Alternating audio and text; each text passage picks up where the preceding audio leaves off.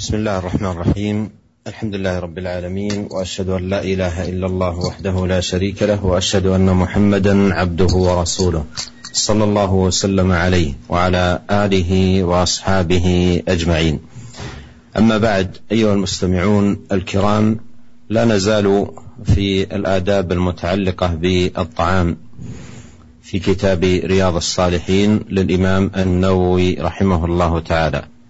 قال رحمه الله باب تكثير الأيدي على الطعام. قال عن أبي هريرة رضي الله عنه قال قال رسول الله صلى الله عليه وسلم طعام الاثنين كافي الثلاثة وطعام الثلاثة كافي الأربعة متفق عليه. وعن جابر رضي الله عنه قال سمعت رسول الله صلى الله عليه وسلم يقول طعام الواحد يكفي الاثنين وطعام الاثنين يكفي الثلاثة وطعام الأربعة يكفي الثمانية رواه مسلم.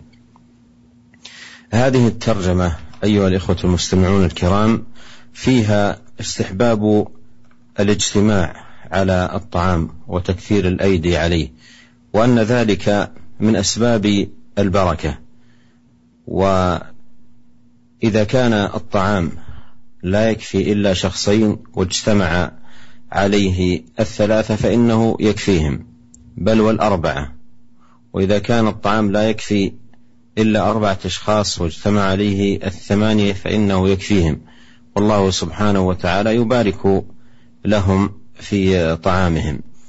وهذا مما يبين لنا أن من مقاصد الشريعة العظيمة اجتماع أهل الخير وأهل الفضل وائتلافهم ومحبتهم وكثرة أيديهم على الطعام مجتمعين مؤتلفين متحابين فهذا كله من المقاصد العظيمة لهذه الشريعة وهو أيضا من أسباب تحقق البركة وحصولها. dan alaihi wasallam kepada keluarganya, kepada para sahabatnya semuanya. Beliau berkata, "Ayuhal mustami'un wahai eh, para pendengar Radio Roja, pada kesempatan ini kita masih berbicara tentang adab-adab yang berhubungan dengan makanan dalam Kitabul Adab dalam eh, kitab Riyadus Salihin yang ditulis oleh Al-Imam An-Nawawi rahimahullahu taala. Beliau masih berbicara tentang adab memperbanyak orang untuk ikut makan bersama. Hadis yang pertama adalah dari Abu Hurairah radhiyallahu an semoga Allah meridhoinya. Beliau berkata bahwa Rasulullah sallallahu alaihi wa alihi wasallam bersabda, "Tu'amul itsnain kafi kafi thalatha," bahwa makanan dua orang itu cukup untuk tiga orang. Wa tu'amul thalatha kafil arba'ah dan makanan tiga orang cukup untuk empat orang. Hadis ini muttafaqun alaih. Kemudian hadis yang kedua yang beliau bacakan adalah dari Jabir radhiyallahu an dia berkata atau beliau berkata bahwa sami'tu Rasulullah sallallahu alaihi wasallam aku mendengar Rasulullah sallallahu alaihi wasallam bersabda bahwa ta'amul wahid yakfi al-itsnain makanan satu satu orang cukup untuk dua orang dan makanan uh, isnain yakfil arba'ah wa ta'amul isnain yakfil arba'ah. Makanan dua orang cukup untuk empat orang dan makanan arba'ah ta'amul arba'ah yakfil samaniyah. Makanan empat orang bisa mencukupi untuk delapan orang.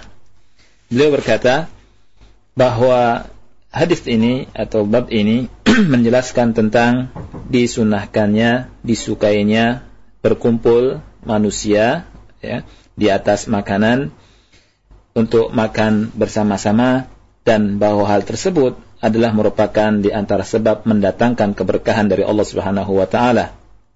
Apabila makanan itu e, cukup untuk dua orang ya, maka dia mencukupi untuk tiga orang. Kalau misalkan makan itu untuk dua orang, saya ulangi, cukup tiga orang, bahkan cukup bisa mencukupi empat orang. Dan makanan empat orang bisa mencukupi delapan orang. Allah Subhanahu wa taala memberkahi untuk mereka dan memberkahi makanan mereka. Dan ini merupakan maqasidus syariah. Merupakan di antara maksud syariat yaitu berkumpulnya ahlul khair, berkumpulnya orang-orang baik dan e, banyaknya mereka memperbanyak orang yang e, untuk ikut makan bersama di mana di dalamnya mereka makan bersama kemudian saling mencintai sesama mereka dan ini merupakan maksud dari syariat syariat Allah Subhanahu wa taala dan ini merupakan sebab terwujudkannya keberkahan yang Allah berikan kepada mereka.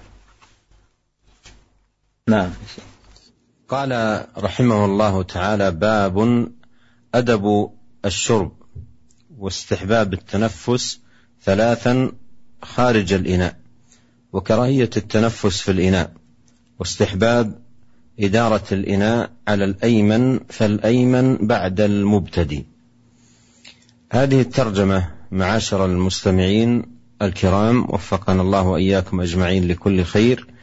فيها أن من أدب الشرب سواء شرب الماء أو اللبن أو العصير أو نحو ذلك أن لا يتنفس آه، داخل الإناء ومن السنة أن يتنفس أثناء الشرب ثلاث مرات فإن هذا أهنأ وأطيب له في شربه للماء أن يتنفس فيه ثلاث مرات أي لا يشربه في نفس واحد وإنما آه، يشرب قليلا ثم يبعد الإناء عن أنفه ويتنفس ثم يشرب الثانية ثم يبعد الإناء عن أنفه ويتنفس ثم يشرب الثالثة. فيكون آه، آه، في ذلك استحباب التنفس ثلاثا ويكون هذا التنفس خارج الإناء.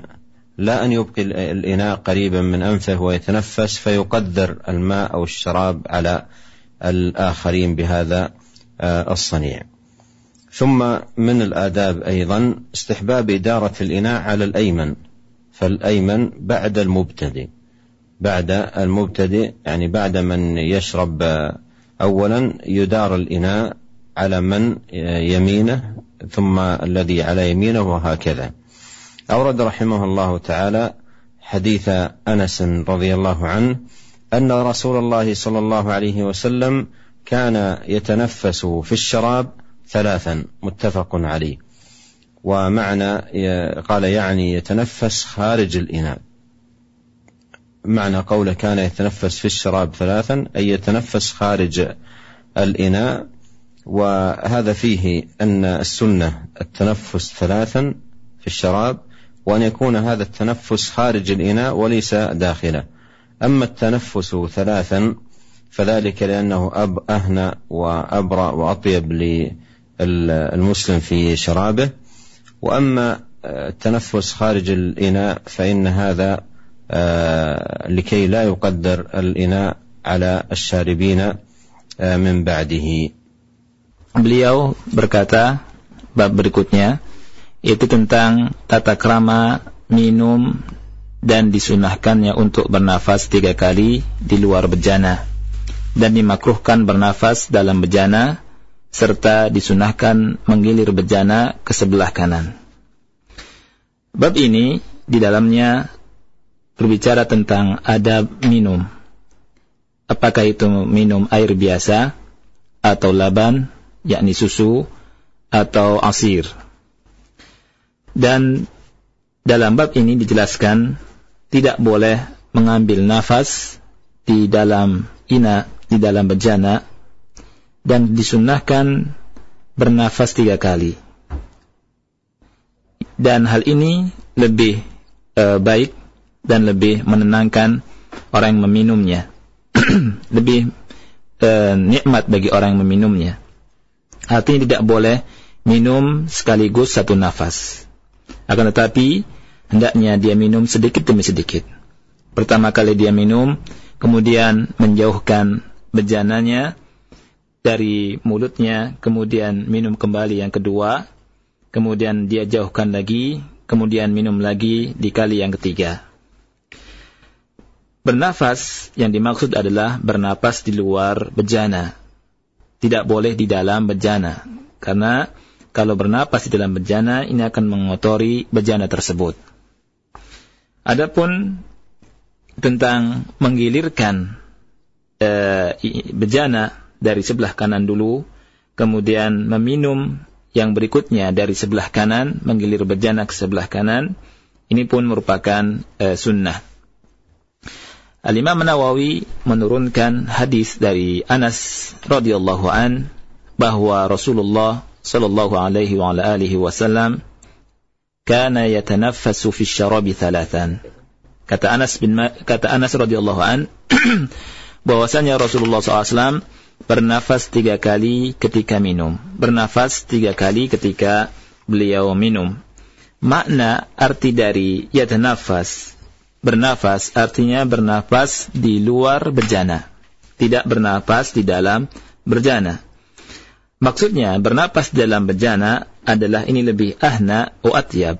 Artinya lebih nikmat, ya, lebih merasa enak dan lebih baik. Adapun bernapas di luar berjana kharijal ina, ina maksudnya yang diinginkan dari eh, adab ini agar tidak mengotori bejana tersebut dengan nafasnya yang mana bisa mengotori dan e, menimbulkan penyakit bagi orang-orang meminum setelahnya dari minum bejana tersebut. Nah. ثم أورد حديث ابن عباس رضي الله عنهما قال قال رسول الله صلى الله عليه وسلم لا تشربوا واحدا كشرب البعير ولكن اشربوا مثنى وثلاث وسموا إذا أنتم شربتم واحمدوا إذا أنتم رفعتم رواه الترمذي وقال حديث حسن. هذا الحديث اشتمل على جملة من آداب الشراب آداب الشرب ومنها ما يتعلق بهذه الترجمة وهو التنفس وألا يشرب الماء التنفس وألا يشرب الماء في نفس واحد. وفي هذا الحديث يقول لا تشربوا واحدا أي في نفس واحد كشرب البعير. ولكن اشربوا مثنى وثلاث. ولكن اشربوا مثنى وثلاث. والذي ثبت في الأحاديث هو الشرب ثلاثا. وأما الشرب مثنى إنما جاء في هذا الحديث وفي سنده شيء من الكلام. فالمعتبر ما جاء في الأحاديث الأخرى أن التنفس في الإناء يكون في يكون في الشراب ثلاثا كما تقدم معنا في الحديث المتفق عليه. وجاء في أحاديث أخرى عن النبي صلى الله عليه وسلم ثم ذكر التسمية في أول الشراب والحمد في تمامه وقد تقدم في ترجمة مضت Kemudian para pendengar yang Allah muliakan, Al-Imam Nawawi menurunkan hadis berikutnya dari Ibnu Abbas radhiyallahu anhuma beliau berkata bahwa Rasulullah sallallahu alaihi wasallam bersabda la tashrabu wahidan kasyurbil ba'ir kata Rasulullah alaihi wasallam janganlah kalian minum satu kali tenggak seperti minumnya unta. Walakin ishrabu mathna wa thulath. Akan tetapi, kata beliau, minumlah dua atau tiga kali tenggak. Wasammu idha antum syaribtum, wahmadu idha antum rafa'tum. Dan sebutlah nama Allah jika kalian minum, dan bacalah hamdalah jika kalian selesai minum. Hadis ini diriwayatkan oleh al-Imam At-Tirmidzi dan beliau berkata hadis ini adalah hadis yang hasan. Syekh Hafizahullah Ta'ala berkata bahwa hadis ini mencakup tentang adab-adab minum. Di antaranya adalah adab yang berhubungan dengan minum berupa masalah mengambil nafas.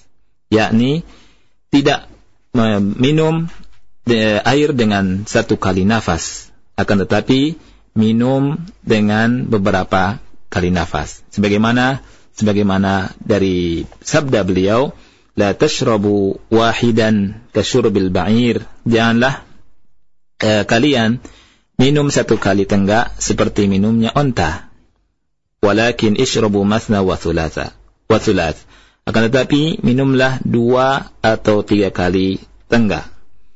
Dan hadis ini eh, telah, telah sabit hadis yang menjelaskan tentang minum tiga kali eh, nafas.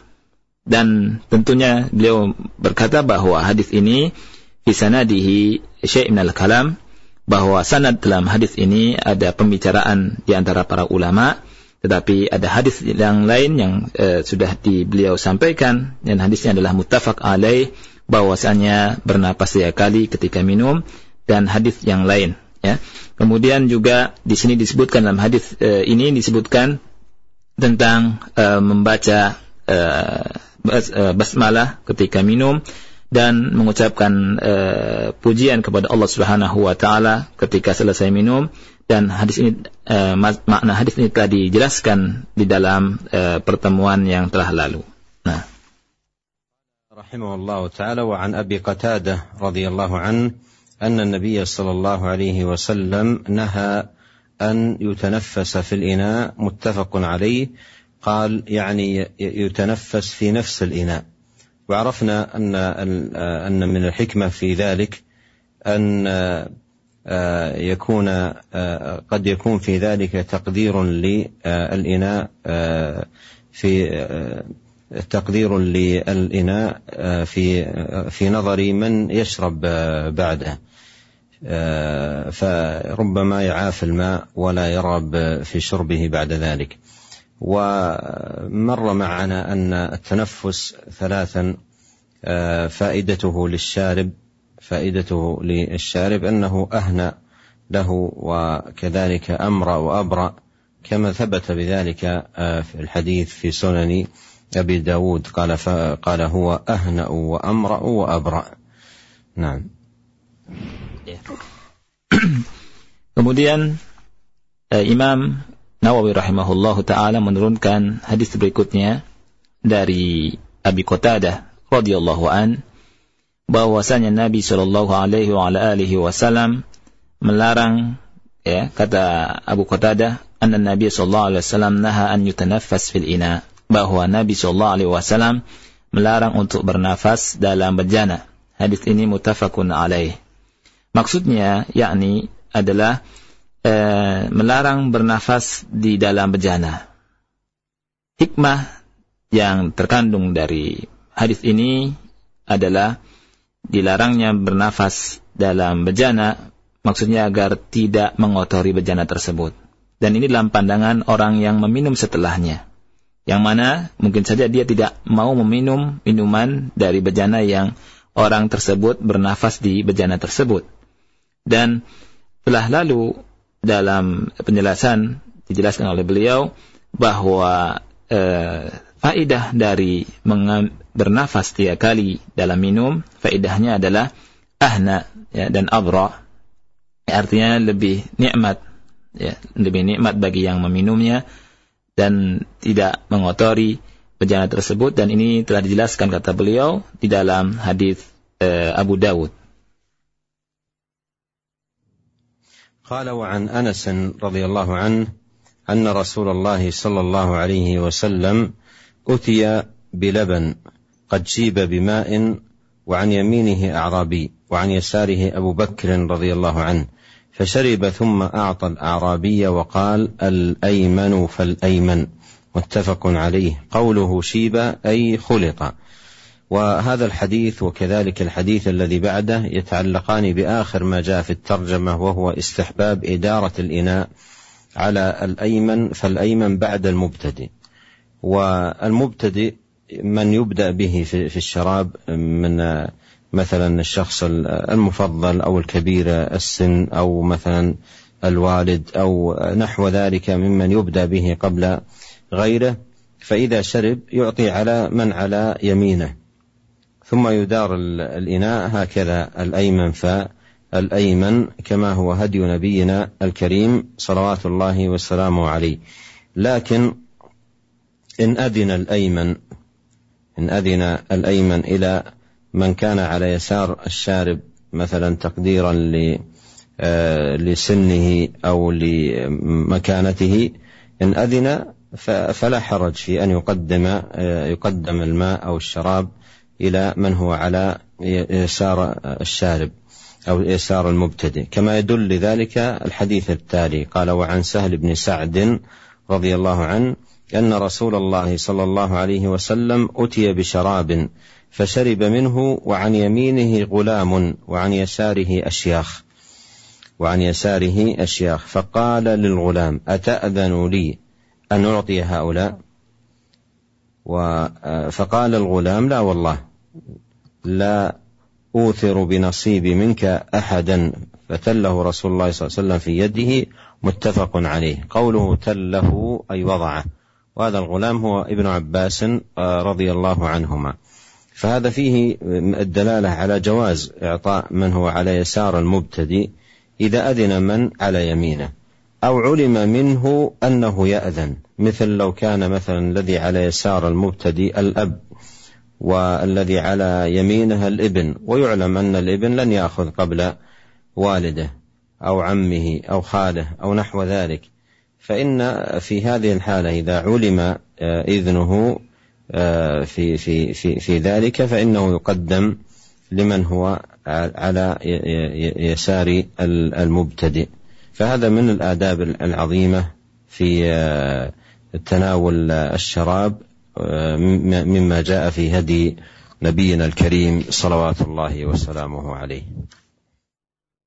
Kemudian beliau berkata, bahwa Imam Nawawi rahimahullah menurunkan hadis berikutnya dari Anas radhiyallahu an anna Rasulullah SAW utiya bilaban bahwa Rasulullah sallallahu alaihi wa alihi wasallam dibawakan susu ya bilaban qad shiba bima'in yang telah dicampur dengan air dan wa an yaminihi a'rabi sebelah eh, kanannya ada seorang Arab Badui wa an yasarihi Abu Bakar dan sebelah kirinya adalah Abu Bakar radhiyallahu an.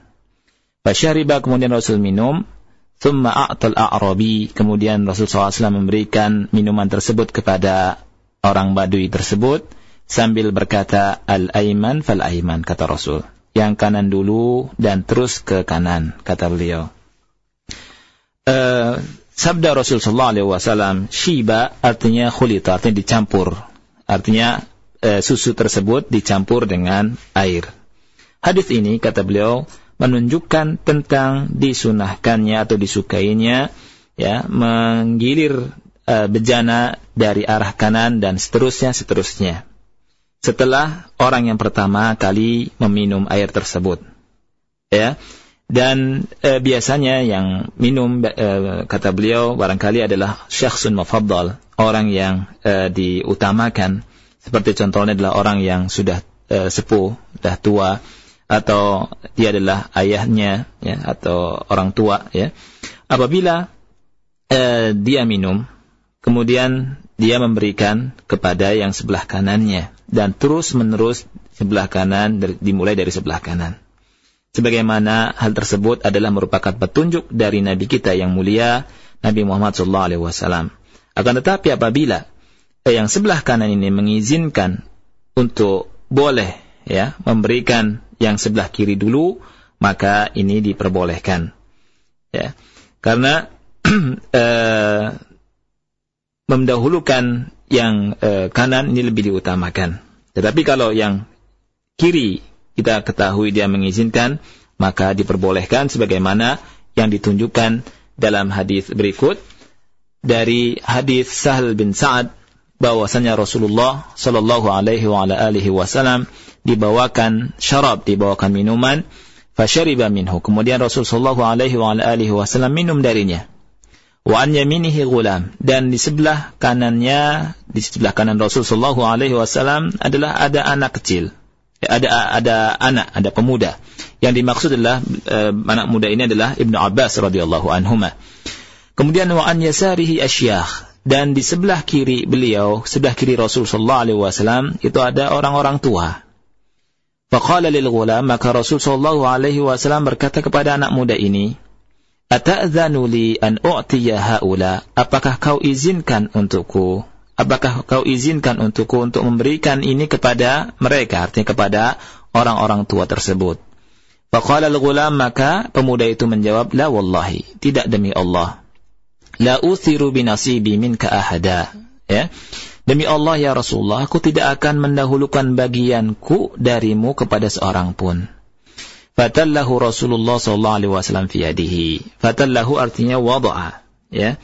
Maka Rasulullah sallallahu alaihi wa alihi wasallam memberikan minuman yang ada di tangan beliau kepada anak muda tersebut. Hadis ini mutafakun alaih, ya.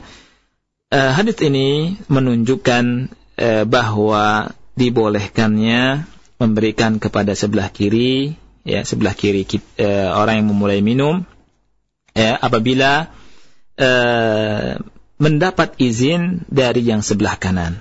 Atau ulima atau diketahui dari yang sebelah kanan ya dia memberikan izin untuk minum sebelah kiri duluan ya. Apalagi seperti misalkan yang sebelah kiri adalah uh, bapaknya atau pamannya dan seterusnya maka ini diketahui anaknya tentunya membolehkannya. Ya, ini merupakan adab-adab yang sangat agung dalam masalah minuman dan ini merupakan petunjuk Nabi yang mulia alaihi salatu wassalam. ثم عقد رحمه الله ترجمة جديدة قال باب كراهة الشرب من فم القربة ونحوها وبيان أنه كراهة تنزيه لا تحريم. والشرب من فم القربة القربة هي ما يصنع من الجلد ويكون لها فم يؤخذ منه الماء وإذا انتهى أو أخذ حاجته وضع له الوكاء وأغلق فم القربة. فجاء النهي عن الشرب من من فم السقاء من فم القربة. ومما جاء في ذلك ما رواه المصنف أو ما أورده المصنف من حديث أبي سعيد الخدري رضي الله عنه. قال نهى رسول الله صلى الله عليه وسلم عن اختناث الأسقية. قال يعني أن تكسر أفواهها ويشرب منها متفق عليه. أن تكسر أفواهها يكون الرجل قائما ويثني فم القربة إلى جهة فمه ويجعل الماء ينحدر ويشرب من فم القربة مباشرة. فهذا جاء فيه النهي عن نبينا الكريم صلوات الله وسلامه عليه. وكذلك الحديث الذي بعده حديث أبي هريرة رضي الله عنه قال نهى رسول الله صلى الله عليه وسلم أن يشرب من في السقاء أو القربة متفق عليه. وهذا الحديث حديث أبي هريرة هو بمعنى الحديث الذي قبله حديث أبي سعيد الخدري رضي الله عنه. وأيضا مما ورد في في ذلك حديث أم ثابت كبشة بنت ثابت أخت حسان بن ثابت رضي الله عنه وعنها قالت دخل علي رسول الله صلى الله عليه وسلم فشرب من في قربة معلقة قائمة فقمت إلى فيها فقطعته رواه الترمذي وقال حديث حسن صحيح. قال النووي رحمه الله وإنما قطعتها لتحفظ موضع فم رسول الله صلى الله عليه وسلم وتتبرك به وتصونه عن الابتذال. وهذا الحديث محمول على بيان الجواز والحديثان السابقان لبيان الأفضل والأكمل والله أعلم. واذا هذه الأحاديث الثلاثة التي أوردها رحمه الله تعالى في هذه الترجمة حديث أبي سعيد وحديث أبي أبي هريرة فيهما النهي عن الشرب من في السقاء ويحمل هذا النهي على الكراهة كراهة التنزيه لدلالة الحديث الذي بعده حديث أم ثابت على شرب النبي صلى الله عليه وسلم من في قربة معلقة قائما وهذا يدل على الجواز وما قبله يدل على النهي عن ذلك نهي كراهة وتنزيه. ومعنى ذلك أن الأصل أن المرء لا يشرب من فيه السقاء ولا يشرب قائما إلا إذا عرض له حاجة معينة فشرب من في السقاء فإنه فإنه لا حرج عليه والله أعلم Kemudian para pendengar yang dimuliakan oleh Allah Subhanahu wa taala Al-Imam Nawawi menurunkan bab baru yaitu tentang dimakruhkannya minum dari mulut kendi dan yang semisalnya dan e, menerangkan bahwa hukumnya makruh yakni makruh tanzih bukan e, makruh pengharaman la tahrim. Beliau menurunkan e, hadis tentang hadis e, kirbah ya. Dan beliau menjelaskan tadi Syekh menjelaskan bahwa kirbah yang dimaksud adalah yang dibuat dari kulit yang ada mulutnya kemudian minum dari mulut tersebut. Kemudian setelah minum ditutuplah mulut e, kirbah tersebut, yakni mulut kendi tersebut. Telah datang larangan tentang minum dari langsung dari mulut kendi dan hal itu eh, datang dari hadis Rasulullah SAW. Al-Imam Nawawi menurunkan hadis dari Abu Sa'id Al-Khudri radhiyallahu an di mana beliau berkata bahwa naha Rasulullah sallallahu alaihi wasallam an ijtinatil asqiyah. Artinya Rasulullah sallallahu alaihi wasallam melarang memecah tempat air, yakni mulutnya, ya. Yakni tuksar afwahuha wa yushrab minha, yakni mulutnya dipecah lalu dibuat minum darinya. Hadis ini ya menjelaskan tentang e, larangan dari langsung minum dari mulut kendi, ya. Dan hadis berikutnya juga tentang hal demikian, yakni hadis dari Abu Hurairah radhiyallahu an di mana uh, beliau berkata naha Rasulullah sallallahu alaihi wasallam an yushraba min fi as an min fi as-siqa awil kirbah bahwa Abu Abu Hurairah berkata Rasulullah SAW melarang untuk minum dari mulut tempat air atau kendi. Hadis ini muttafaqun alaih.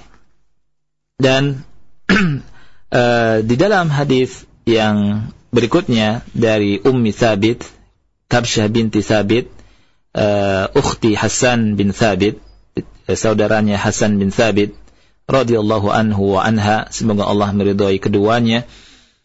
Beliau berkata, "Dakhala alayya Rasulullah sallallahu alaihi wasallam." Rasulullah SAW pernah masuk rumah dan menemui aku. Kemudian kata beliau, "Fashariba min fi qirbah mu'allaqatin qa'iman."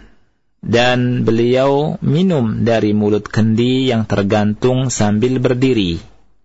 Fakumtu ila fiha faqata'tuhu. Dan beliau berkata, kemudian aku bangkit mendekati geribah itu dan kemudian mematahkannya. Ya.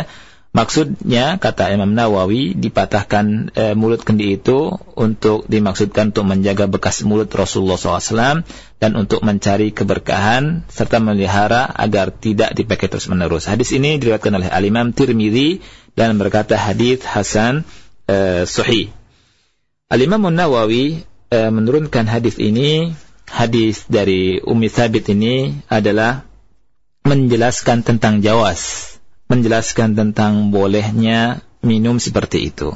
Minum dari mulut kendi dan berdiri. Adapun dua hadis sebelumnya yaitu hadis uh, Abu Sa'id dan hadis Abu Hurairah radhiyallahu an menjelaskan tentang keadaan yang paling sempurna, tentang af, keadaan yang afdal dan akmal. Ya. Larangannya berupa larangan tanzih, bukan larangan pengharaman. Ya.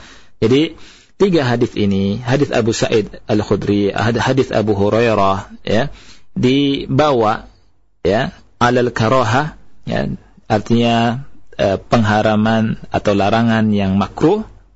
Ya, kenapa demikian?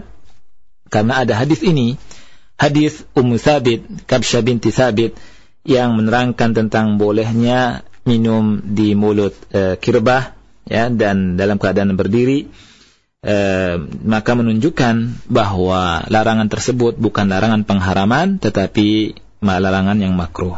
Tetapi perlu diketahui bahwa hukum asal, hukum asal meminum adalah tidak boleh minum dari mulut kendi atau mulut girbah eh, atau eh, minum dengan keadaan berdiri kecuali kalau ada kebutuhan di sana. Kalau ada kebutuhannya maka tidak mengapa. قال رحمه الله تعالى باب كراهة النفخ في الشراب.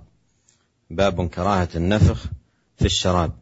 و هذا النهي عن النفخ في الإناء آه، خشية التأدي من خروج أشياء مؤذية آه، أو ضارة. وهذا فيه آه، دفع الضرر. وقد يخرج من الإنسان ريق أو يخرج شيء من هذا القبيل وقد يقدر الإناء في نفخه فيه عندما يشرب. فعلى كل حال آه، جاءت الشريعة بالنهي عن ذلك ولا يكون النهي في الشريعة إلا عن حكمة آه، ومصلحة عظيمة آه، تتحقق للعباد بما فيه مصلحة لهم ومنفعة أو درء لمفسده وشر أو أذى أو نحو ذلك.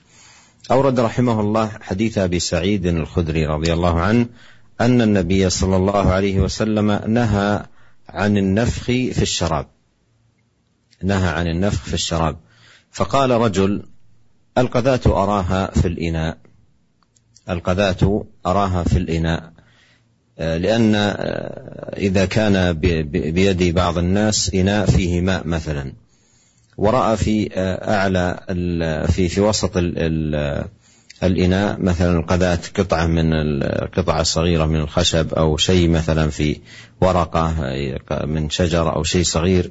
فبعض الناس ينفخ آه، ينفخ هذه القذاة حتى تبتعد عن الموضع الذي هو سيشربه ويشرب من المكان آه، الصافي الذي ليس فيه تلك آه، القذاة. فلأجل هذا ينفخ. قال القذاة أراها في الإناء يعني أليس هذا يسوغ لي آه، أن أنفخ؟ لما سمع النبي صلى الله عليه وسلم ينهى عن النفخ في الشراب قال القذاة أراه في الإناء. أي ألا أنفخ عندما أرى القذاة حتى أبعدها عن موضع الموضع الذي أشرب منه الماء بهذا النفخ؟ فقال النبي صلى الله عليه وسلم أهرقها قال أهرقها يعني آه، آه، صب الماء صبا قليلا حتى تخرج هذه القذاة لكن لا تنفخ في وإنما تميل الوعاء وتحاول أن تصب هذه القذاة بحيث أنها تخرج من الماء لكن ليس لك أن تنفخ في الماء. قال الرجل فإني لا أروى من نفس واحد. قال فأبن القدح إذا عن فيك. آه، رواه الترمذي وقال حديث حسن صحيح. ومعنى أبن القدح عن فيك أي أبعده عن آه، عن فيك وتنفس خارج الإناء آه، ثلاثا كما جاء في الأحاديث الأخرى التي التي تقدمت وتوضح لنا ذلك.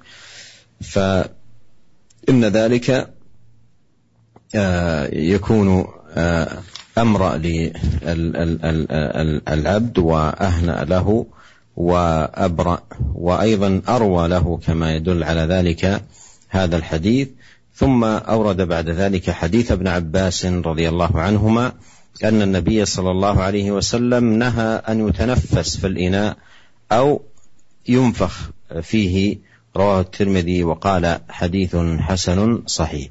وهذا الحديث جمع في ما يتعلق بالترجمة السابقة وهو النهي عن التنفس آه، آه، في الإناء. وفي هذا الحديث النهي عن النفخ في الإناء. والتنفس في الإناء أو النفخ في الإناء التنفس هواء يصل إلى الإناء من الأنف والنفخ هواء يصل إلى الإناء من الفم. وفي هذا ما فيه من آه، تقدير للماء وقد جاء عن النبي صلى الله عليه وسلم النهي عن هذا وهذا وهذا من آه، كمال الشريعة وأنها جاءت بما فيه الخير والفلاح العافيه والسلامة للعباد في دنياهم وأخراهم. الله تعالى أعلم.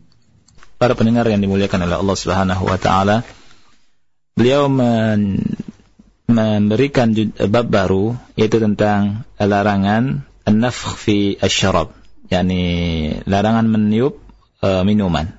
Ya. Hadisnya uh, beliau berkata bahwa larangan ini yang dimaksud meniup uh, dalam bejana adalah dikhawatirkan atau ditakutkan keluar dari mulut seseorang sesuatu yang uh, membuat penyakit yang di dalamnya ada uh, kemudaratan. Dan hal ini merupakan daf'ud darar dalam rangka uh, mencegah kemudaratan yang mungkin bisa keluar dari mulut seseorang. Apakah itu uh, ludah ya yang mana bisa terkadang uh, mengotori uh, inak tersebut atau bejana tersebut yang ketika dia minum. Syariat Islam datang membuat, memberikan larangan tentang hal tersebut, yang mana tentunya tidaklah melarang sesuatu, melainkan ada hikmah dan maslahat yang azimah yang sangat besar sekali bagi hamba-hambanya. Bagi hamba Allah Subhanahu wa taala, ya, di mana hal ini dalam rangka mencegah yang adanya kemudaratan. Beliau menurunkan hadis ya dari Abu Sa'id Al-Khudri radhiyallahu an bahwa anna Nabi sallallahu alaihi wasallam naha anin nafkhi fi syarab bahwa Nabi sallallahu alaihi wasallam melarang meniup minuman. Lalu ada seseorang yang berkata, Al-qadhatu araha fil ina. Kata orang tersebut, bagaimana jika aku melihat ada kotoran dalam bejana? Apa maksudnya? Mungkin maksudnya dalam bejana minuman tersebut ada uh, kit'ah warqa atau kit'ah hosyab, ya ada uh, mungkin sedikit potongan e, benda seperti kertas atau e, khoshab artinya kayu ya maksudnya e, dia menginginkan bolehkah ditiup seperti itu bolehkah itu merupakan hal yang membolehkan saya untuk meniup e, bejana tersebut ya kita lihat bagaimana jawaban Rasul Shallallahu Alaihi Wasallam. Rasul menjawab, ahrikha kata Rasul. Ahrikha artinya sub alma subban qalilan. Kata Rasul Shallallahu Alaihi Wasallam, tuangkanlah air itu.